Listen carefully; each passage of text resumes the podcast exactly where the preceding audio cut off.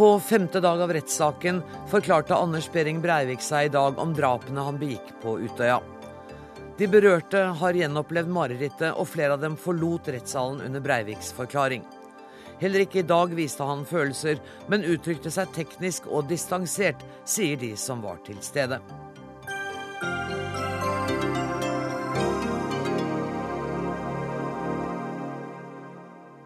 Dette blir hovedsaken i Dagsnytt 18 denne fredagen, hvor du også får siste nytt om flystyrten i Pakistan, der flere enn 100 mennesker fryktes omkommet.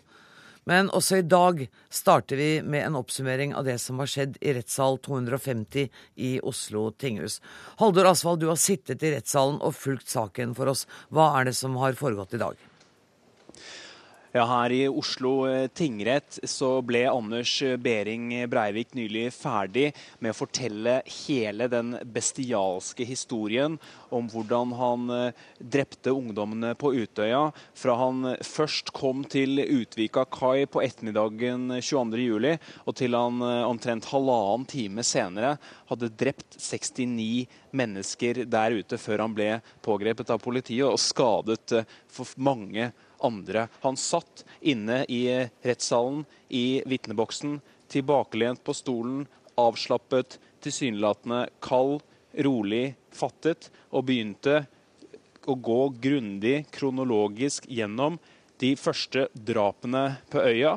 Han eh, forteller hvordan han gikk i land, hvordan han eh, følte seg truet av eh, den første sivilkledte vakten som også jobbet i politiet, men som var der den dagen. Hvordan denne vakten begynte å stille han kontrollspørsmål, hvordan han begynte å føle seg truet. Og de første minuttene hvor han bestemte seg for at, som han sier, det er nå eller aldri jeg må velge å gjennomføre dette angrepet. Og fra det øyeblikket så begynner han å skyte. Eh, han dreper dem rundt seg. Han begynner å gå rundt på øya, og han begynner å skyte Eh, på folk, og han legger ut i detalj om hvordan han eh, leter etter dem, hvordan han skyter folk eh, veldig ofte mot hodet, hvordan han leter etter levende mennesker blant klynger av dels døde ungdommer, for å forsikre seg om at folk ikke kan late som de er døde og overleve på den måten. Han forteller om hvordan han lokker fram ungdommer fra Buskas. Han gjengir altså, sitater fra den dagen hvor han forteller hvordan han eh, sa at, eh, at, han var fra politiet, at han hadde kommet med en båt, at de skulle bli evakuert. Men samtidig så forteller han også mye om hvor, hvordan kaoset var den dagen. Han eh, forteller, eh, beskriver dette kaoset, den fortvilelsen blant eh, ungdommene eh, på en svært på en måte som har gjort veldig stor inntrykk på mange her i dag. Han snakket altså så å si uavbrutt i tre kvarter. Eh, virket han like uberørt og distansert hele tiden? Ut ifra det jeg så, så vil jeg si at han eh, virket uh, uberørt uh, like uberørt uh, hele tiden. Det var deler av denne forklaringen hvor han på en måte begynt å endre Man begynte å snakke om at eh, det var eh, som at det ikke var sånn som det var på film. Han begynte å, å si at de ble paralysert, de løp ikke vekk. Det har jeg aldri sett på film. Det forsto jeg ikke. Han begynte å, også fortelle hvordan han f.eks. planla og, og, hadde vurdert å, å skremme dem med en såkalt hakekors han, hadde, han, ønsket å gå rundt med på øya. sånn at det var nye detaljer rundt dette som eh, også var eh, vakte oppsikt i, i salen. Og det, disse, disse, beskrivelsene kom altså midt oppi alle de andre skildringene eh, som teknisk gikk gjennom eh, de drapene som han gjorde. Hvordan var reaksjonene blant tilhørerne på det han fortalte? Flere forlot eh, salen eh, underveis. noen gråt, noen holdt rundt hverandre. Eh, I pausene underveis så eh, ga folk hverandre klemmer utenfor. Bistandsadvokater eh, snakket med sine klienter. Journalister holdt også rundt hverandre her i dag. sånn at dette har gjort inntrykk på svært mange. Tusen takk skal du ha, Haldor Asvald. Her i studio sitter jeg sammen med Vegard Vennesland og Bjørn Iler. Dere overlevde begge skytingen på Utøya og har fulgt rettssaken i Oslo tingrett i dag. Ble dagen så vanskelig som dere var forberedt på på forhånd at den kom til å bli, eh, Vennesland? Jeg tror ikke det går an å forberede seg ordentlig på hvordan en sånn dag er. Dette her var helt utrolig tøft. Eh, som dere hørte på reporteren nå, det var eh, i detalj eh, beskrevet hva som skjedde den dagen, og, hvor grusomt det var. Så jeg tror det går ikke an å forberede seg på det, og det var, det var veldig, veldig tungt. Iller, opptrådte han annerledes enn du hadde regnet med i dag? Eh, ikke egentlig. Jeg tror eh, vi har eh, hørt eh, hva Geir Lippestad har sagt om eh, oppførsel. Vi har hørt eh, hva andre har sagt om oppførsel. Og det, det, var vel ingen stor overraskelse at han fremtrådte så følelsesløst i dag som det han gjorde. Han snakket jo seg gjennom hele den perioden han var på, eller nesten hele den perioden han var på Utøya. Var det sånn at dere visste at det var dere han snakket om i enkelte situasjoner? Ja, klart det. Han beskrev jo også drap og skytinger som jeg også var vitne til. Det er, og sant, det gjelder veldig mange andre.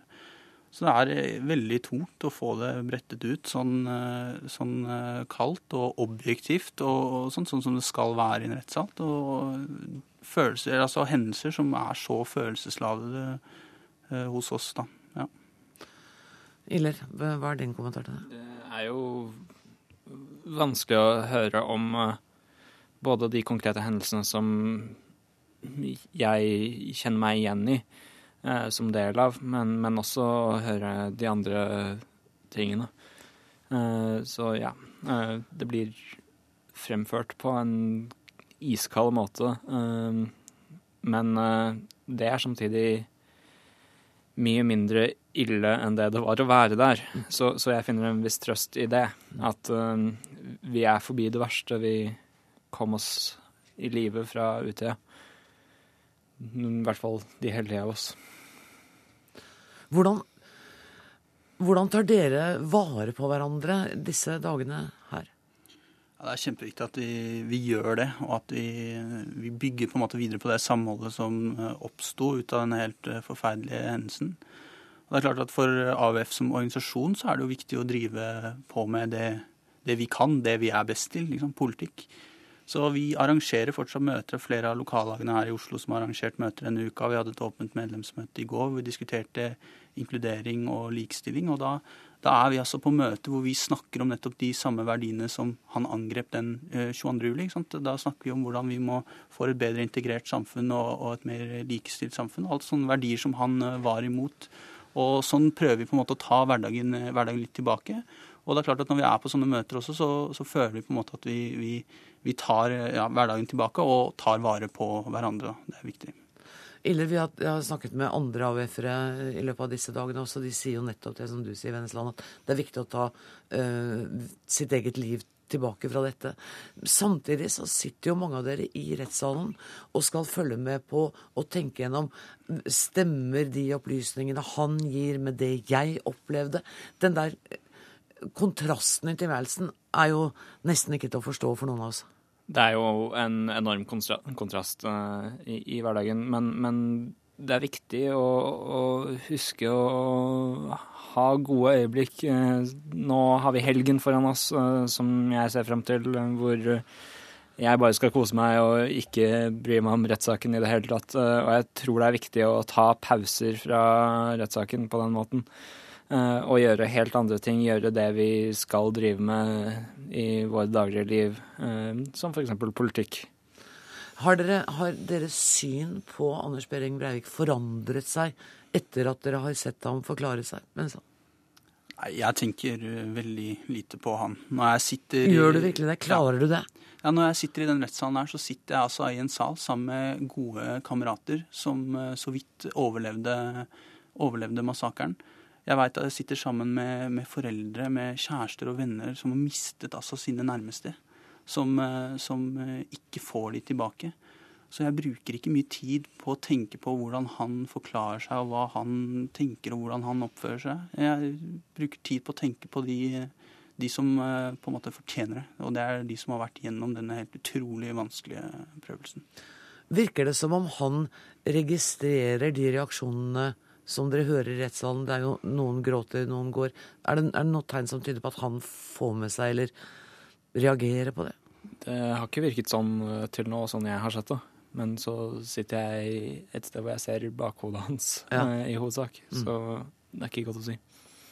Dere har begge to valgt å følge denne rettssaken til tross for at det jo er en stor belastning. Hva er begrunnelsen for det? Eh, Min begrunnelse er at dette er, eh, enten vi vil eller ikke, en eh, stor del av eh, livet vårt. Dette- 22. juli endret livet vårt på drastisk og meget ubehagelig vis. Og, og jeg syns det er viktig å følge med på og ta del i den delen av livet også. Dette er en unik sjanse til å uh, høre gjerningsmannens uh, side av dette uh, i et underlig forum på mange måter, som, som rettssalen er. Eh, I hvert fall er ukjent eh, for meg fra før, og jeg har aldri vært i retten før. Eh, men eh, det er på mange måter viktig for meg i den gjenoppbyggingsprosessen som jeg er inne i, eh, å få med meg dette. Den gjenoppbyggingsprosessen vil jeg jo tro at dere alle er inne i nå og takler på forskjellig måte. Men er denne rettssaken også viktig for å prøve å liksom komme til et punktum på en eller annen måte? Ja, det tror jeg. Og, og dette er jo på en måte en, en viktig del av, av det at oppgjøret med disse handlingene. At rettsstaten og samfunnet tar et oppgjør med, med det som skjedde den eh, 22. juli. Og så er det litt sånn for Bjørn, da, som følger det veldig tett, og det er at han kjenner på at det er riktig for han i dag. var det første dag jeg var i rettssalen, for jeg har ikke følt det riktig og, og på en måte orket det før nå. Og så er det noen som eh, nærmest eh, rømmer landet fordi de, de vil ha det på avstand. Og tenker jeg at hver og en må på en måte kjenne på hva som er riktig eh, for seg. Det har Bjørn gjort, det har jeg gjort. Og det håper jeg at alle andre eh, AUF-ere gjør. Man, er liksom ikke, man må ikke følge denne rettssaken for å, for å komme seg tilbake til hverdagen. Man, nødvendigvis, da. Man må bare kjenne på hva som er riktig for seg. Da. Eh, vi har hatt besøk i studio av Liv Tørres, som er generalsekretær i Norsk Folkehjelp, og som var en av dem som overlevde eh, attentatet i regjeringskvartalet. Og hun sier at, eh, at eh, dette gjør noe med oss. Den ilden som eh, han har tent i oss, eh, den, skal, den har forandret oss. Har det skjedd en forandring også i AUF etter dette? Ja, altså, Jeg kan i hvert fall registrere et voldsomt økt engasjement. Og det er helt utrolig rørende og flott eh, å se at vi f.eks. på møtet i går da, er veldig, mange mange flere enn det vi pleide å være. Og det engasjementet opplever jeg at, eh, at alle organisasjoner får, egentlig. Det er jo ikke bare AUF. Og, og jeg tror hun har helt rett. Det har eh, vekket et engasjement hos folk. Jeg har ikke nødvendigvis skapt det, jeg tror det har ligget der hele tiden. Og, og det engasjementet er blitt vekket etter 22. juli. Og da er det vårt ansvar som, som politikere, som politisk aktive mennesker, å ta dette til oss, ta dette engasjementet til oss, og sørge for at folk på en måte holder seg inne, hold, fortsetter å engasjere seg.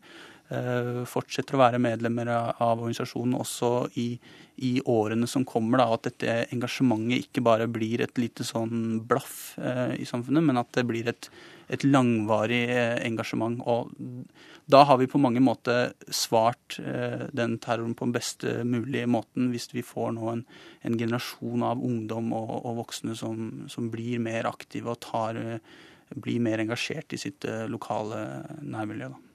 Tusen takk for at dere kom til Dagsnytt 18 på en uh, usedvanlig tung fredag. Vegard Vennesland og Bjørn Iller, begge fra AUF. Inn i studio nå kommer uh, Frode Elgesen, koordinerende bistandsadvokat. Um, Elgesen, velkommen hit. Um, I dag så utfordret, um, så utfordret uh, bistandsadvokatene tiltalte på dette med empati og evne til å føle. Hva var grunnen til at det ble et tema? Det er vel litt todelt, egentlig. Jeg tror det er viktig for de etterlatte og fornærmede å, å høre ham snakke om de tingene. Høre om han har noen, noen følelse av anger eller noe forståelse for det han har gjort. Så det var litt viktig innledningsvis å, å sette ham inn i situasjonen. Orientere han konkret om alle de som satt og hørte på ham. Og nå skulle vi høre historien om Utøya. Og om han hadde noen uh, følelser eller noe, kunne føle, hadde noen empati rett og slett i, i, forhold til de som da han hadde rammet Um, det er det ene som har litt med konteksten å gjøre. Og så er det det, det rettslige. At uh, dette er jo spørsmål som, som, vil ha betydning for vurderingen av hans Eh, hans tilregnelighet. Altså, som har ligget under som et tema faktisk hele ja, dag, i ja, hvert fall. Ja, Som er et av veldig mange spørsmål egentlig, som, eh, som, kan, som kan, stilles for å undersøke hans tilregnelighet eller hans syke fra, fra, ulike vinkler. Dette er en av dem. Han sa i retten i dag morges at han var klar over at han hadde påført mennesker grusomme lidelser og at, han, at, det, og at, det, var veldig mange mennesker. Han var klar over det. Opplevde dere at han følte det? Han sier jo flere ting. Han sier at han, Med ord så sier han at uh, han forstår at han har påført uh, veldig mange mennesker uendelig lidelse. Det sier han med, med ord i retten. Um, og så sier han også at han har, uh, han har, brukt ulike metoder for å skyve frykt til side, for å øke prestasjonene sine, både meditasjon og, og prestasjonsfremmende midler som han tar, eh, som kan vise at han har et visst forhold til, eh, til disse følelsene, og at han har jobbet med å trenge de tilbake. Eh, men så opplever vel hans forklaring i dag som ganske blottet for enhver menneskelig følelse, egentlig. Og han sa jo også at han kunne ikke la dette skjoldet falle, for da ville han bryte sammen, og han ville ikke klare å være i retten. Og når eh, bistandsadvokat eh, Larsen spør ham eh, ja, men andre har jo brutt sammen i retten, hvorfor er det verre at du gjør det? Og sier han at da kunne jeg bare ikke vært her. Nei, det sier han. Eh, men jeg tror nå at vi beveger oss over i psykiatrien, hvor jeg ikke er fagmann. Og, og jeg, for meg er, er dette temmelig uh, uklart og, og, og, uforståelig, egentlig. Mm. Vi skal forlate psykiatrien, for jeg er klar over at det er jurist du er. Før han begynte å fortelle om drapene på Utøya, så oppfordret han alle eh, som ikke orket å høre skildringen, til å forlate salen. Det, hadde, det har jo forsvarere gjort tidligere. Hva er det som ligger i at tiltalte gjør det? Jeg tror han eh, Han har jo vært ganske god til å ta regi. Han slutter jo med denne hjemmelagde hilsen sin, bl.a., etter å ha blitt oppfordret til det, bl.a. av hensyn til de etterlatte.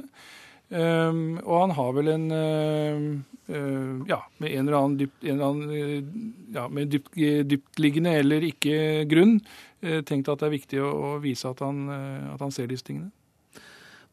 Hvor viktig er det for dere å registrere og komme tilbake til det som kan se ut som selvmotsigelser? Han sier bl.a. i retten i dag at det har vært et mål for ham å drepe så få sivile som mulig. Samtidig sier han at han vil gjerne ha drept alle som var på Utøya. Eh, hvor viktig er disse momentene i det arbeidet dere gjør? Eh, ikke så veldig sentralt direkte for oss. Eh, la meg bare si at det er veldig ulike oppfatninger i bistandsadvokatgruppen og blant de etterlatte og fornærmede om hva som Både når det gjelder tilregnelighet og ikke-tilregnelighet, mange ulike oppfatninger om det, og også ulike oppfatninger av hva man, man ønsker å oppnå med denne rettssaken. Ehm, når det gjelder eh, motsetninger i hans forklaringer, så, så, så er det eh, i og for seg noe som kan være nyttig å påpeke i, i noen retninger. Eh, men jeg tror bl.a. at det kan være nyttig å undersøke grundig hans egen fremstilling av sin nærmest helterolle. Det, det syns jeg er et interessant emne å bore i. Mm. Og det er det enighet om blant bistandsadvokatene også, at det er et av de punktene dere skal ta? Det er det noen av de fornærmede og, og, som ønsker. Eh, vi stiller spørsmål på vegne av 167 eh, bistandsadvokater. Eh, så de spørsmålene vi stiller, de vil komme fra ulike kanter, og vi er forpliktet til å stille dem. Så, så det vil være ulike motiver bak det. og så, så Gruppen av spørsmål fra oss vil være ganske sammensatt, egentlig. Mm. Du boret i dag, i dag i det faktum at han tilsynelatende skjærer alle journalister over én kam, og at han har følt seg sensurert. Hvorfor var det et punkt du ville ta opp? Jeg syns det er litt interessant å, å, vite, for jeg representerer AUF, eh, og, og syns det er interessant å tenke og, og, bore litt i hvordan han tenker rundt Arbeiderpartiet. Eh, det er viktig for AUF, og for så vidt også for Arbeiderpartiet, å, å, ha en viss forståelse av hva som eh, skal vi si, hvilken tragedie som egentlig traff dem eh, 22.07. Og det å bore litt hvordan en sånn mann tenker rundt politikk, eh, og hvorfor han singler, skiller ut Arbeiderpartiet som en, eh, en hovedmotstander som han opplagt hater veldig sterkt, det er det interessant å bore i. Så var det jo ikke så mange svar vi fikk på det i dag, men, men, eh, men, det er et tema som er interessant å bore i for, for, for, oss. Og det kan hende at det er et tema dere kommer tilbake til? Det tror jeg nok vi gjør. Tusen takk for at du kom i studio, bistandsadvokat Frode Elgesen. Og inn i studio nå kommer uh, kommentatorene, for dagen i dag har, gått, har, gitt like mange nye spørsmål som svar når det gjelder tiltaltes psyke og tilregnelighet. Forsvarsadvokat Geir Lippestad sa dette under ettermiddagens pressekonferanse. For å si det sånn, det, det, er jo ikke tilfeldig. Jeg tror, jeg tror vi kan være så åpne og si det er jo ikke tilfeldig at vi har to sett med to meget dyktige, altså fire meget dyktige fagfolk som har kommet til forskjellig konklusjon. Og, og, hvordan disse tingene er blitt vurdert av de forskjellige sakkyndige, det må vi høre med de om når de skal uh, avgi sin uh, forklaring på, på, hvorfor de har kommet til konklusjonen de har gjort. Det sa altså advokat Geir Lippestad på pressekonferansen etter at retten var hevet i dag. Knut Magnus Bergen, du er kommentator her i NRK. Hva er det Lippestad viser til her? Nei, altså jeg, eh, det føles veldig som jeg er enig med han mm. når jeg hører han nå. Jeg får veldig en følelse av at dette er et helt unikt tilfelle. Vi, vi, har aldri sett noe sånt før. og jeg tenker òg at fagfolk òg må jo slite veldig med å, å, å plassere denne mannen Eh, et sted, og det har vi jo eh, sett at de gjør. Jeg tror at eh, retten kommer til å få like store problemer som de fire har med å bli enige eventuelt. Så veldig spesiell opplevelse å, å se og et tilfelle helt på sida av alt vi noen gang har på en måte måttet forholde oss til. Bistandsadvokater, meddommere og fagdommere har i dag spurt Breivik om hvorfor han snakker så teknisk og bruker eksakte tall for å beskrive en rekke forhold som langt på vei er umulig å tallfeste. Ehm, hvordan svarte han på disse spørsmålene?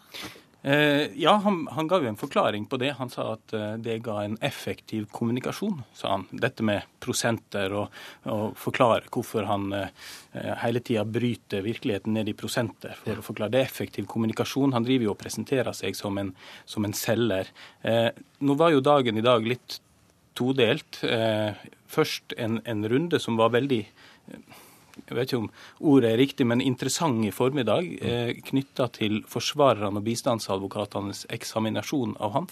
Interessant i den forstand at det var, det var tydelig, spesielt på forsvarerne, at en ønsket både å, å eh, bygge opp under at han har følelser, at han er har emosjoner, og, og, eh, og, også at han er rasjonell. Mm. Eh, og eh, det er jo da viktig for deres mål med denne saken, nemlig at han skal ende som tilregnelig. Den andre delen av denne dagen er jo den som sitter i kroppen og nesten gjør at all spørsmål om psykiatri og hva det måtte være, blir nesten litt fjernt akkurat nå, fordi at voldsomheten i det som kom Eh, etter lunsj, som vi alle visste skulle komme, eh, det tar opp så mye eh, energi bare å, å, å fordøye at en må nesten komme tilbake til dette spørsmålet om tilgjengelighet, utilgjengelighet og psykiatri. Irene Halvorsen, er du enig med Knut Magnus Berge i dette, i den voldsomme i det han fortalte i dag? Ja, det er jo eh, grusomme detaljer som kommer, men, det, men, vi kjenner jo til og vi var jo forberedt også. Ehm, jeg tenker som så at det er viktig å huske på at det verste har jo skjedd. Um, altså Det verste har skjedd i at bomben sprengte og massakren pågikk. Um, men eh, jeg opplever at noe av det verste med Eh, det som skjedde etter lunsj, med de detaljene, er, er denne kontrasten da, mellom hvor eh, teknisk detaljert han er eh, når han snakker om eh, når han lagde bomben eller den type ting, mens, mens hans evne til faktisk å huske eh, personer eller drap han har begått, er jo ikke spesielt imponerende. Og, og for mange eh, etterlatte og mange overlevende som har ytret håp om at rettssaken skal gi dem flere svar eh, på hva som faktisk skjedde og hvorfor, så eh, opplever jeg at eh, det er ikke gitt at de får det gjennom denne rettssaken. Det er rett og slett veldig mange drap han, han husker jo veldig dårlig.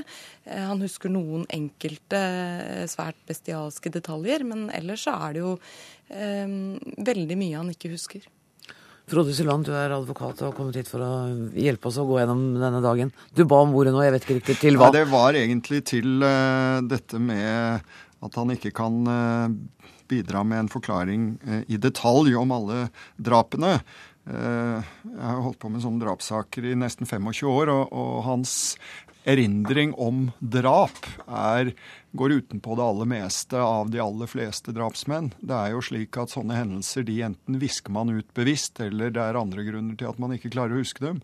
Jeg må si at jeg er dypt imponert jeg i dag over hans erindring av detaljer gjennom dette.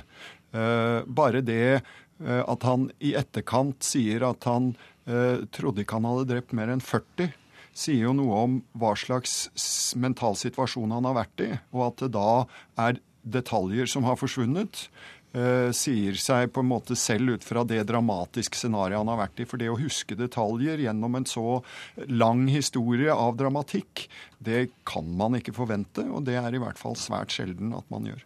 Halvorsen. Men jeg er usikker på i hvilken grad man eh, kan ha tiltro til hans eh, vurderinger av antall eh, drap. Fordi eh, han har jo kastet ut en lang rekke ulike eh, tall på hvor mange han anså det som nødvendig å drepe for å få oppmerksomhet eh, om sitt hovedbudskap. Og når aktor kjører han på hvor mange han tror Eh, han hadde drept da han var ferdig i kafébygget, så har han jo ikke noe svar på det. Og når hun da konstaterer at det er 21, så finnes det ingen menneskelig reaksjon ingen, Det er ingenting i ansiktet hans som tyder på at det har noe betydning for han. Om det var 5, 15 eller 21, eh, synes ikke å spille noen rolle. Knut Magnus Berge han, han, refererer jo flere ganger i dag til følelser. Han føler seg truet. Uh, han er spent, han er nervøs, sier han. Før han begynner å skyte, så tenker han nå eller aldri. Uh, er det, er det noen slags logisk sammenheng mellom de ordene som kommer, og, og hvordan han oppleves i salen? Jeg er enig i at han framstår ikke helt upåvirka. Det er riktig at han oppleves veldig mekanisk eh, når han snakker, men han framstår ikke helt totalt blotta. Og han gir i alle fall uttrykk for de tingene som du eh, nå refererer. Om det da er, eh, er ekte følelser, eller om det er eh, noe han har lært seg at kan være lurt å gi uttrykk for, eh, det gjenstår å se. Men det er igjen dette med at eh, den var så voldsom og så spesiell eh, den dagen i dag at man må rett og slett bruke tid på å, å fordøye den. Eh, jeg vil gjerne bare kommentere også det som en var inne på før vi kom i studio her i dag, og det som også Halvorsen var inne på med om hva dette sier om hvorvidt vi kommer oss igjennom mm. eh, denne prosessen. Jeg tror at i alle fall noe av det fortrøstningsfulle denne veka, nå er vi på slutten av første rettsveke, eh, er at en eh, en har sett en, en rettsstat som klarer å håndtere sjøl en så ekstrem hendelse. Vi har diskutert mye at demokratiet vårt blir satt på prøve osv. Nå skimter vi på en måte i den andre enden av dette at vi kommer til å komme igjennom eh, med en prosess som bygger på tradisjoner, og som, eh, som er vår måte å håndtere eh, det uhåndterlige på. Sulland, du er enig i det, går jeg ut ifra? Ja, jeg er veldig enig i det. Jeg vil bare først kanskje også bidra til nyanseringen av uh, inntrykket i dag. Ja. Uh, for meg så var dette en, uh, en Breivik som jobbet hardt for å komme seg gjennom den forklaringen. Han viste ikke noe medfølelse og ingen anger, men, men han slet for å komme seg gjennom denne forklaringen. Det var ingen enkel prosess.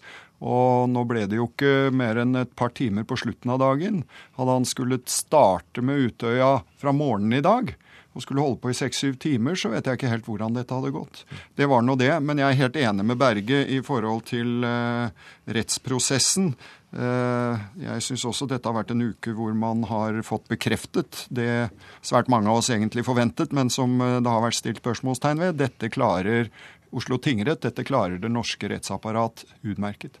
Og syns du også at aktørene, altså eh, forsvar, aktorat og bistandsadvokater, gjør det som man forventer av dem i en sånn situasjon?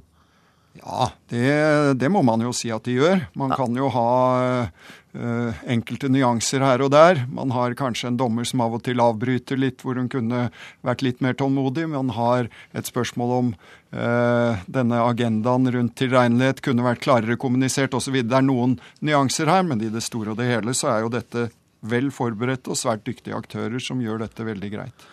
Og så fortsetter altså på mandag, og da Magnus Berge, er det sånn at da skal han fortsette sin forklaring om Utøya? Det er det. Vi er ikke på langt nær eh, ferdige med den eh, delen av hans forklaring. Det er, no, det er, jo den tyngste delen av eh, denne forklaringa vi er inne i nå. Og det tror jeg kommer til å oppta store deler av mandagen. Så i den grad det er vesentlig, så er vi nok også litt eh, ja, det heter vel ikke på overtid, men at vi holder ikke tidsskjemaet helt uh, her. Uh, jeg tror ikke det bør være uh, den viktigste prioriteringa i denne saken. Vi må komme gjennom denne forklaringa hans på en forsvarlig måte. Tusen takk for at dere kom i studio. Advokat Frode Sulland, Irene Halvorsen, kommentator i Dagsavisen, og Knut Magnus Berge her fra NRK.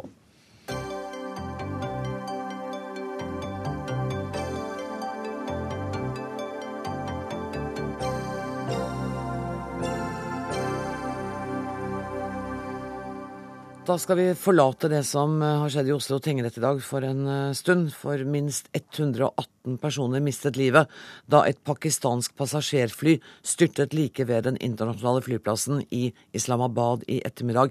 Det melder pakistanske myndigheter nå. Flyet var etter det vi vet på vei fra Karachi, og utenriksmedarbeider Halvard Sandberg, hva mer vet du? Vi vet nå at flyet det har dessverre styrtet rett i et boligområde, altså i bebyggelse. Det er ganske fæle bilder som nå kommer fra pakistansk fjernsyn, som viser ødelagte hus sammen med forvridde metalldeler fra dette flyet, også flyseter.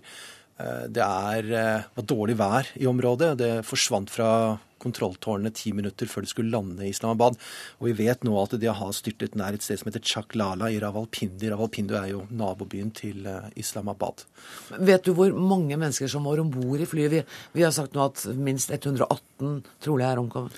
Altså, eh, De tallene spriker litt, for politiet sier noe, luftfartsmyndighetene sier noe, og Hæren sier noe. Men det er eh, rett i underkant av 130 mennesker om bord i denne 737-maskinen som hadde da ni besetningsmedlemmer.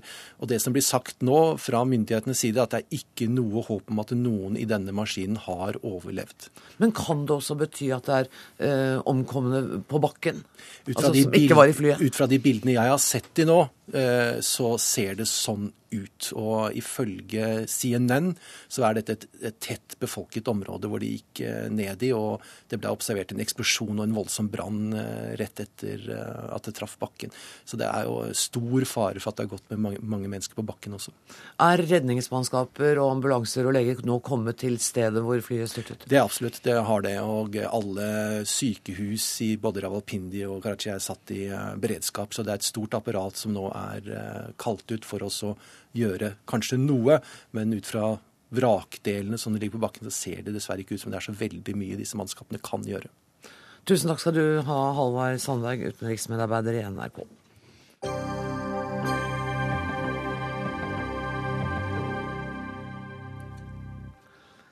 Sju ganger i løpet av landsmøtetalen gjentok Siv Jensen en setning som ikke har levnet tvil om hvor partiet står foran neste valg. Det blir ingen borgerlig regjering uten Fremskrittspartiet. Fremskrittspartiets landsmøte begynte på Gardermoen i dag, og partileder Siv Jensen, du er med oss. Hva var det viktigste du ville formidle til dine partivenner i dag? For det første så var det viktig å snakke om Fremskrittspartiets gode løsninger for å få bort køene i helsevesenet, for å få bygget ut infrastrukturen, for å få gjort noe med hverdagskriminaliteten og alle de tingene Fremskrittspartiet er opptatt av. Og så var det jo selvfølgelig å være veldig tydelig på at Fremskrittspartiet gjerne påtar seg ansvar sammen med de andre tre borgerlige partiene med å danne en ny regjering hvis vi får et borgerlig flertall. Eh, og så var jeg veldig tydelig på at eh, Vår dør har vært åpen i sju år for et bredt samarbeid. Vi ekskluderer ingen fra det. Vi har heller ikke alternative borgerlige regjeringer. Vi går til valg på å få til en bred regjering hvor Fremskrittspartiet er en naturlig del. Men du har også vært tydelig på at hvis Fremskrittspartiet ikke kommer i regjering, så vil dere heller ikke love støtte til en regjering? Jeg har først og fremst vært opptatt av å snakke om hva slags regjering jeg ønsker at Norge skal få. Og det er en uh, regjering hvor Fremskrittspartiet inngår. Det er jo egentlig en litt merkverdig debatt vi nå har, for det er jo ingen som spør Høyre om de ville støttet en borgerlig regjering de ikke var en del av. Eh, debatten kommer egentlig som følge av at eh, særlig Venstre og Kristelig Folkeparti har noen alternative planer, lanserer noen alternative muligheter for borgerlig regjering. Det jeg sier, er det Fremskrittspartiet har sagt i syv år nemlig at vi ønsker at alle de fire partiene skal samarbeide. Så erkjenner jeg selvfølgelig at det kan bli noen utfordringer, fordi det er områder vi ikke er enig i. Men det er på samme måte som mellom de tre rød-grønne. Det er politikk de er uenige om, men de har altså samarbeidet i syv år likevel. Grunnen til at jeg spurte deg om dette, var fordi at Venstre sist helg åpnet for å støtte en borgerlig regjering med Fremskrittspartiet, selv om de selv skulle bli stående utenfor. Så det er bare sånn at det er grunnen til spørsmålet. Og da er mitt neste spørsmål. Kunne ikke dere ha gjort det samme? Nå er det jo sånn at Vi har forsøkt en mindretallsregjering eh, på borgerlig side med si, Fremskrittspartiet i Stortinget. Det var ikke noe særlig suksess. Bondevik-regjeringen var ikke nevneverdig populær. Og vi har dårlige erfaringer med å være et stort parti som ikke får gjennomslag, men hvor man tar eh, styrken vår, oppslutningen vår, velgerne våre for gitt. Og Jeg syns egentlig det blir en litt bakvendt diskusjon. Det vi ønsker oss, er å bidra til at vi får et regjeringsskifte, men et regjeringsskifte hvor Fremskrittspartiet inngår. Og det kan ikke overraske noen at Fremskrittspartiet jobber for å få gjennomslag for sin politikk. Det gjør alle politiske partier, og det skulle jo bare mangle om ikke vi også har en ambisjon om å få realisert i hvert fall deler av vår politikk. Vi innser at vi må inngå kompromisser. Eh, vi vet også at vi har klart å bli enige med de andre tre partiene i mange viktige spørsmål. Og så vil det være noen som skiller oss ad. Og det er jo her velgerne kommer inn i bildet. da. De skal si sitt når vi går til stemmeurnene i september 2013. Eh, helt til slutt, Siv Jensen. Eh, jeg må bare spørre deg, Hvordan er det å lede et landsmøte nå i skyggen av denne pågående rettssaken? Altså, nå er det jo først og fremst eh, krevende dager for pårørende, etterlatte, berørte av 22.07, og våre tanker går til dem. Det som er viktig, er at rettsstaten Norge tar et oppgjør med denne massemorderen. Det kommer så mye ekkelt ut fra den rettssaken at det går nesten ikke an å forholde seg til det. Men det er viktig eh, at vi også har normalitet i samfunnet. Det er viktig at demokratiet går videre. Og et landsmøte et politisk parti er en viktig del av demokratiet. Og jeg er sånn sett glad for at vi klarer å avholde landsmøtet på tross av det som skjer. Eh, og så må vi huske på at det nå er norsk domstol som skal eh, straffe denne massemorderen for hans ugjerninger. Da skal vi tilbake og snakke om politikk. Eh, Siv Jensen er på Gardermoen på landsmøtet. Olav Elvestuen, du er nestleder i Venstre, og du sitter i studio her hos meg. Hvordan reagerte dere på talen fra Siv Jensen i dag? Eh, jeg syns jo det er eh, spesielt at de så tydelig viser at de, heller, at de foretrekker en rød-grønn regjering foran en regjering med Høyre, Venstre og KrF. Og også at de bruker så mye tid på å kritisere de andre borgerlige partiene i en situasjon hvor jo, hvor jo eh, oppgaven er å samle et flertall på borgerlig side mot en rød-grønn regjering, for i det hele tatt å lage grunnlag for en alternativ regjering, en ny borgerlig regjering. Angrer dere nå på at uh, dere var rause og sa at vi skal snakke med alle, og inkludert Fremskrittspartiet, forrige helg? Nei, vi, har, vi er trygge i vår uh, posisjon. Vi er opptatt av å få en ny regjering for å få gjennomslag for Venstres politikk vår miljøpolitikk, vår eh, politikk i forhold til høyere utdanning, forskning etc. Og vi, er, eh, vi har selvtillit i forhold til den posisjonen vi har inn mot sentrum i norsk politikk, og hvor mye av makta tross alt eh, ligger. Og så erkjenner vi at det er uenigheter på borgerlig side, og mener at de uenighetene de må vi kunne håndtere. Og da må vi kunne håndtere de ved å kunne snakke sammen.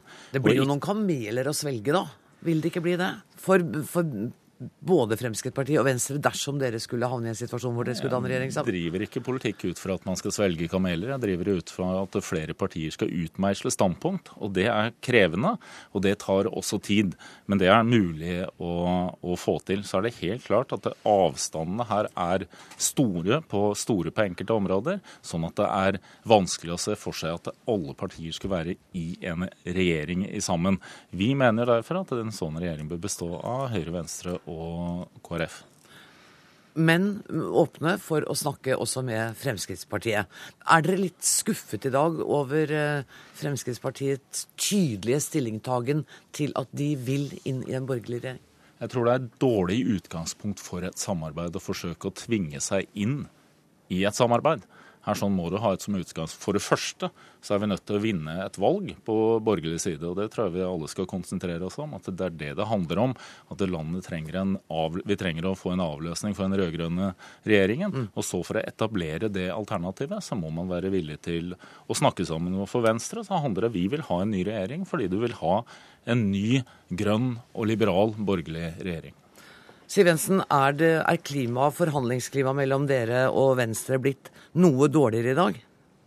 Nei, Det kan jeg ikke forstå. Det er mange ting vi samarbeider veldig godt med Venstre om i Stortinget. Og så som Elvestuen sier, så vil det være noen politikkområder hvor vi er uenige, og hvor det blir tøffe og krevende forhandlinger. Men det er jo ingen ukjent uh, situasjon.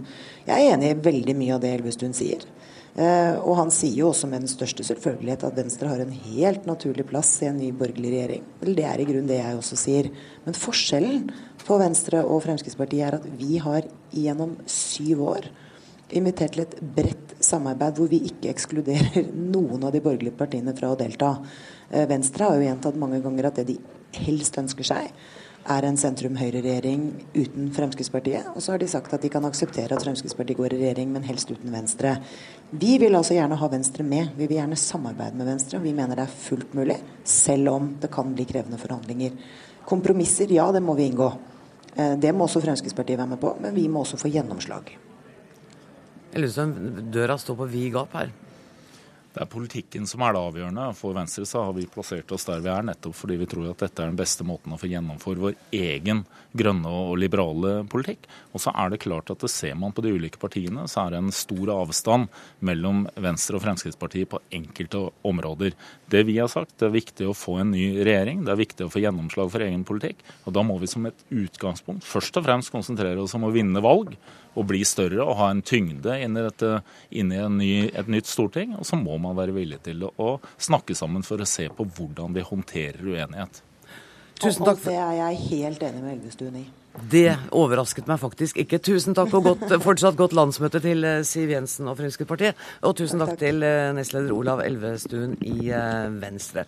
Politisk, politisk redaktør her i NRK, Kyrre Nakkim, du er også med oss fra Gardermoen. Jeg kan faktisk høre at du får mikrofonen fra Siv Jensen nå. Hva, etter din mening, hva var det mest oppsiktsvekkende i det Siv Jensen sa i talen sin i dag? Er tonen som er mest oppsiktsvekkende. At Siv Jensen holder fast på at hun ikke vil gå inn i en regjering hun ikke sitter, selv sitter i, det, det var eh, forventa, for det på mange måter varslet på forhånd. Men hun eh, går også langt i talen til å gå rett i, i strupen på Venstre. Hun sier jo bl.a. at eh, en ny regjering også må føre en ny innvandringspolitikk. En ny politikk som er mer restriktiv enn, en den dagens regjering er. Og Så ikke hørte Siv Jensen, så var det langt igjen til den grønne, liberale politikken som Elvestuen sier uh, Norge trenger. Og Det er jo der skillet fortsatt ligger. Politisk sett står de veldig langt fra hverandre. Uh, og Siv Jensen lover å føre mer Frp-politikk, mens Venstre nå har på en måte spilt fra seg kortet og sagt at de vil støtte en slik regjering. Og Blir det en ny borgerlig regjering nå, så blir det en Høyre-Frp-regjering, hvis vi skal ta Siv Jensen på, ansvar, det, på alvor. Men, men, hvordan ser nå Fremskrittspartiet på det faktum at de kan komme til å sperre for en borgerlig regjeringsdannelse, i og med at de ikke vil støtte en borgerlig regjering som de selv ikke er medlem av? Ja, For Fremskrittspartiet så er det viktig denne erfaringen de hadde med, med Bondevik II, som, som, Siv Jensen nevnte. Mm. De mente det var en dårlig regjering, og de mente at de fikk lite uttelling. Og Derfor er ikke eh, en Bondevik II eh, å foretrekke spesielt forhold til en, en rød-grønn regjering. Iallfall så nekter de å si hvem som var, er verst av de to. Og Det er utgangspunktet som Frp har, og da, da vil de tvinge seg eh, selv inn i regjering. Og så mener de også at de ikke vil tape på å være så harde. Eh, og der er nok historikken litt uh, mer interessant. fordi det har vist seg tidligere at de partiene som framstår som, som blokkerende på borgerlig side, det er de som har også tapt i velgernes omdømme. Og det er derfor Venstre har snudd siden 2009. At Venstre nå har åpnet for å støtte en regjering med Frp, er det store lyspunktet for Frp under helgens landsmøte, kunne vi lese i dagens lederartikkel i Dagsavisen. Sjefredaktør Arne Strand, Fremskrittspartiet legger seg ikke på samme linja. Hva vil det bety for samarbeidet totalt sett på den borgerlige sida?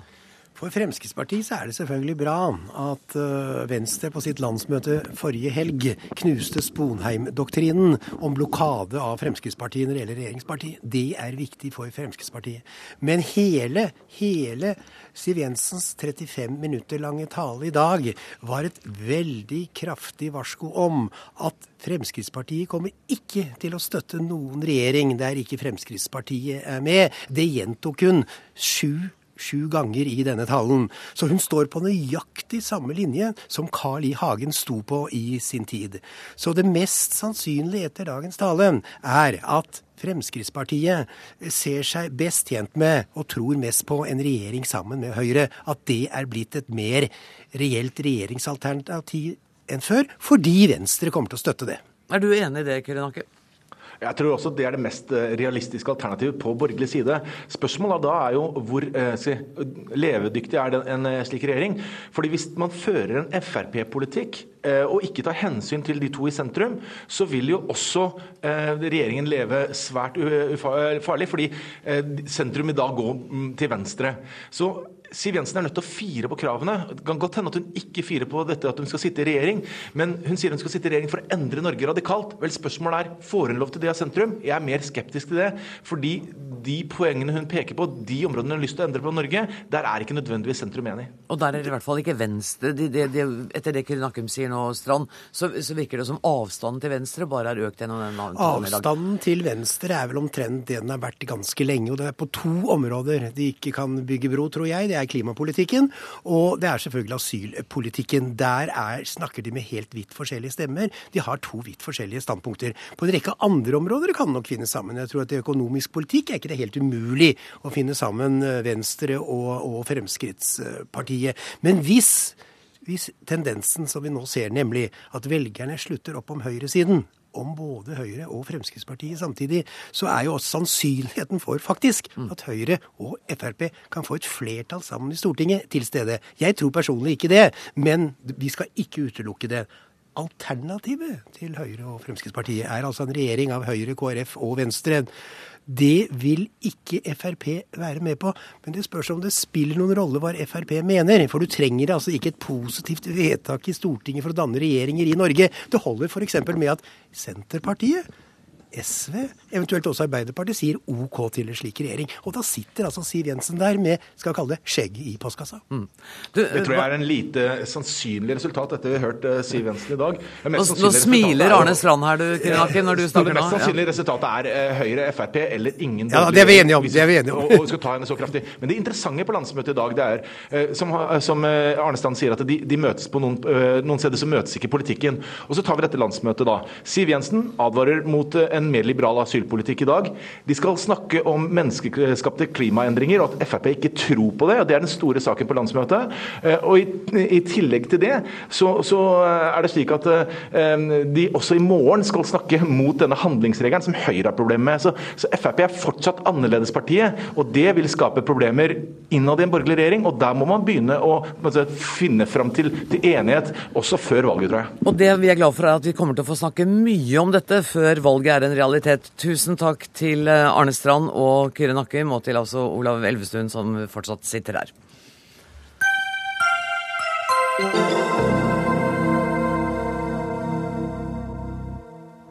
På Wikipedia går det nå som eh, kan kalles en virtuell kamp mellom meningsfeller av Anders Behring Breivik og andre brukere. Oppslagssider som dreier seg om f.eks. islamofobi, blir hyppig redigert den ene og den andre veien. Eh, Jarle Wines, du er styreleder av Wikimedia Norge, som er støtteforening til Wikipedia. Hva er det som skjer? Det er klart det at når eh, Wikipedia i løpet av kort tid har vokst til å bli en av de største nettstedene i hele verden, så vil de høyreekstreme kreftene forsøke å bruke Wikipedia så godt de kan. Og de har jo også fått oppfordringer til han som sitter i retten for å gjøre det. Gjør det det i større grad nå enn tidligere? Eh, det var kanskje, det, jeg følte vel kanskje at det var verst etter 22.07. Da var det veldig stor aktivitet inn på det. Men det går i bølger, og eh, det er klart en rettssak vil føre til at bølgene stiger igjen. I Klassekampen i dag så kunne vi lese at du sier det er flere brukere som deler Breiviks verdensbilde. Har dere noe anslag på hvor mange det kan være snakk om? Nei, det er vanskelig å si, fordi at én bruker kan gjerne operere under forskjellige navn. Så det er veldig vanskelig å si. Kan hvem som helst logge seg inn og endre på artiklene i Wikipedia? Det kan alle, hele Norge. Og vi oppfordrer mange flere til å gjøre det. Eh, og det er slik at eh, det verste grumset eh, blir veldig fort tatt vekk. Men det er klart at vi trenger flere å passe på og se til at det som skrives inne på Wikipedia, er objektivt. Og jeg vil gjenta en gang til. Vi har et fantastisk korps som, som gjør en kjempeinnsats. De jobber dag og natt og rydder uten en kronebetaling. Benjamin Endre Larsen, du er stipendiat ved Universitetet i Oslo og redigerer artikler på Wikipedia. Du er en wikipedianer, som det også kalles. I hvor stor grad har du merket det som vi alle Vinne snakket om her? Jeg har eh, merka ganske mye til det. Eh, både i tida rett etter 22.07, da det var eh, kamp på en del artikler. Jeg har brukt mest tid på engelsk Wikipedia. Kamp i artiklene for å i det hele tatt få inn sånne opplysninger som at eh, Breivik har brukt veldig mye plass i kompendiet sitt på å eh, kritisere muslimer. Eh, og liksom det å knytte linken mellom hans verdensbilde og de ideologiene som han da plasserer seg i, det krevde mye tid og arbeid fra wikipedianere sin side. Men hvor lett er det å identifisere disse brukerne? Noen av dem bruker det samme brukernavnet hele tida, og eh, avslører jo da på sett og vis hvor de står hen. sånn at eh, men eh, bruker fra brukernavn til virkelig identitet, det er umulig, mer eller mindre. Hvor stort er dette problemet i dine øyne? På de artiklene som jeg har brukt mest tid på, så er det betydelig. Det krever nesten kontinuerlig innsats å holde dem på i, i vår verden, da. Altså, eller i nå skal ikke jeg si at jeg er mer objektiv enn alle andre, men eh, å holde men, dem saklig, det er vanskelig. Dette krever tid og kontinuerlig oppfølging. Er det, alle, er det, nesten alle typer artikler som handler om islam eller muslimer, eller hva, hva slags type artikler snakker vi om? Islamofobi, Eurabia, eh, dimitude, eh, den typen artikler. Spesielt counter-jihad. Og, og der er oppveksten av denne type aktivitet veldig stor akkurat nå? Nei, det har ikke vært så veldig mye akkurat nå. Det var mer rundt 22. juli. Okay. Eh, som bruker, har du kontakt med andre wikipedianere? Ja, eh, litt. Altså, man kjenner jo igjen brukernavnene til enkelte andre eh, etter hvert som det går. Men eh, så prøver man kanskje å hjelpe hverandre litt da, med å rydde. Ulrik eh, Rolfsen, du er regissør. I går skrev du på nettstedet Twitter at hvis forklaringen til Anders Behring Breivik hadde blitt kringkastet, så hadde faren for å misbruke dette til propagandaformål vært stor. Hva mener du med det?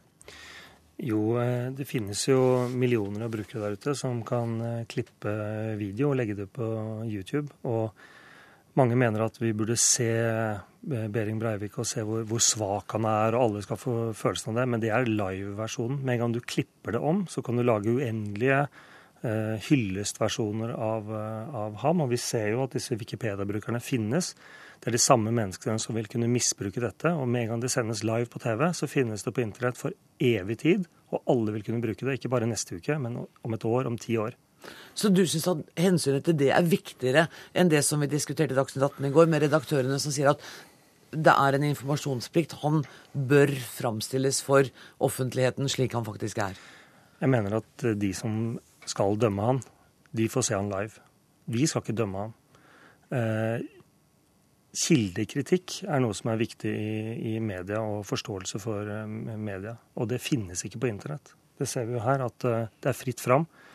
Eh, muligheten for å misbruke ham og lage ham til en, en, sterk hyllestperson som kan inspirere andre, er veldig stor. Han er selv, et, han er selv på en måte et produkt av feilinformasjon på internett. Mm. Tenk på hva hans impact på internett vil kunne føre til av andre. Men, men man, altså Du snakker nå om bildene og hvordan de mm. kunne klippe sammen og gjort ham til en, en helt. Men, men, kan ikke ord gjøre det samme med ham? Jo, delvis, men eh, det blir ikke helt det samme. Altså, vi har ganske greie regelverk eh, på Wikipedia for hvilke kilder som er OK og ikke OK å bruke. Og eh, jeg har f.eks. brukt en del tid på å luke ut kildehenvisninger til blogger eh, som har et klart standpunkt, eh, f.eks. innafor eh, counter-jihad-miljøet. Eh, og det er så lenge man har nok folk eh, på en, eh, i diskusjonen rundt en artikkel til å skape en konsensus, så går det eh, ganske greit. Men det å fjerne en YouTube-video, det er jo en annen sak. Mm. Jeg synes det er, det, er veldig naivt, det er veldig naivt å tro at ikke dette eh, brukes, liksom. Folk jeg hørte på det i går, at folk, redaktørene sier at de vil se, liksom. De i pressen som skal kommentere dette, de ser dette live. Og de som trenger å se det, ser det live. Vi andre trenger ikke det, og, og faren for misbruk er så, så stor, tror jeg. Det er, det er, utrolig naivt å tro at ikke internett uh, fungerer som en slags uh, ond mekanisme der. Kan jeg få komme med en kommentar? Ja, vær så god, Vines. Jeg var inne på Wikipedia i dag og sjekka uh, endringer. Jeg var inne på VG Debatt og sjekka det som var der. Mm. Og jeg må jo si at det er en enorm forskjell på det som du kan lese på Wikipedia, og det som finnes på gjørmehullet på VG. Der er det altså eh, De fremstiller Breivik som et offer som ble, har blitt eh, pressa imot en vegg. Og han hadde ikke noe annet valg enn å skyte alle disse her. Og Det står på VG, eh, sannsynligvis kanskje i dagevis, men sånne ting ville blitt fjerna ganske fort på Wikipedia. Mm. Fordi dere har et redaktørkorps, eller dere har wikipedianere som går inn, og det er nok av dem, sånn at det blir oppdaget fort. For det var min neste bekymring, Larsen. Ser dere det fort nok? Det er ikke noen garanti for det. det. det. krever jo på en måte at alle har sine eh, kjæledyrsprosjekter som de følger opp uh, jevnt og trutt. Jeg har uh, et par som er mine, og jeg satser på at det finnes andre som, som har sine også. Men det er jo ikke noe overordna uh, redaktørarbeid som gjøres for å sikre det, så vidt jeg veit. Lyd og, og bilder sammen er veldig manipulerende. Det vet jeg. Jeg lager film. Mm. Man kan eh, virkelig skape følelser, sterke følelser i folk, hvis man klipper en virkelighet om til en annen virkelighet. Jeg skal ikke be deg om noen oppskrift, men, men, men kan du gi noe eksempel på, på, hvordan man kan forvrenge denne virkeligheten enkelt? Og... Det som blir nevnt her, at han kan gjøres et offer, det er veldig lett å utsette ham for eh, flere harde spørsmål og se han sliter, og så kan han reise seg på slutten og komme med, standhaftige ting og på en måte vinne diskusjonen. Du kan se at han er et offer, men han kjemper videre. Eh, han kan, eh, han kan, rett og slett lages til Man kan bruke dramaturgi til å, til å fremstille han som et, en, en, helt som, som, møter urettferdighet og motstand. og ja, Han er rett og slett et offer selv. Det er, jeg vil ikke si det er veldig lett, men det er ikke veldig vanskelig å, å gjøre det hvis man har den hensikten. Gjentatte ganger så har vi i dette studiet snakket om det at disse holdningene må møtes med argumentasjon og ikke forties. Eh, og det, det dere gjør på Wikipedia, er jo å fjerne dem, da. Nei, eh, så enkelt er det ikke. Eh, du får jo ikke lov til å En artikkel blir ikke stående med mindre det er konsensus om det. Og måten vi møter de folka som har disse holdningene på, er jo faktisk gjennom en saklig debatt som følger visse spilleregler. Og eh, det er jo ikke så dramatisk som det en film vil være. på en måte. Det dreier seg om nyanser i virkelighetsoppfatninga eller enkelte konkrete faktaopplysninger som likevel kan gi en ganske stor effekt på hvordan en artikkel leses. da. Mm. Og det er i hvert fall en lettelse fra deg, Rolfsen, at uh, forklaringen til Breivik, Behring Breivik ikke blir kringkastet på direkten. Ja, det, Jeg tror alle etter i dagen også skjønner at det er, det, er, det er, mye som ikke bør være live ut av det der. Liksom, det, det, er ikke 18-årsgrense engang. Det er liksom på en måte, Du skal være laget av stål for å tåle det der. Da sier jeg tusen takk til Jarle Wines, til Benjamin André Larsen og til Ulrik Rolfsen. Dermed er denne fredagen over for Dagsnytt 18s del. Ansvarlig for sendinga i dag var Dag Dørum. Det tekniske ansvaret har Finn Lie. Jeg heter Anne Grosvold, og vi er tilbake her igjen fra dette studio mandag klokka 18. Takk for nå.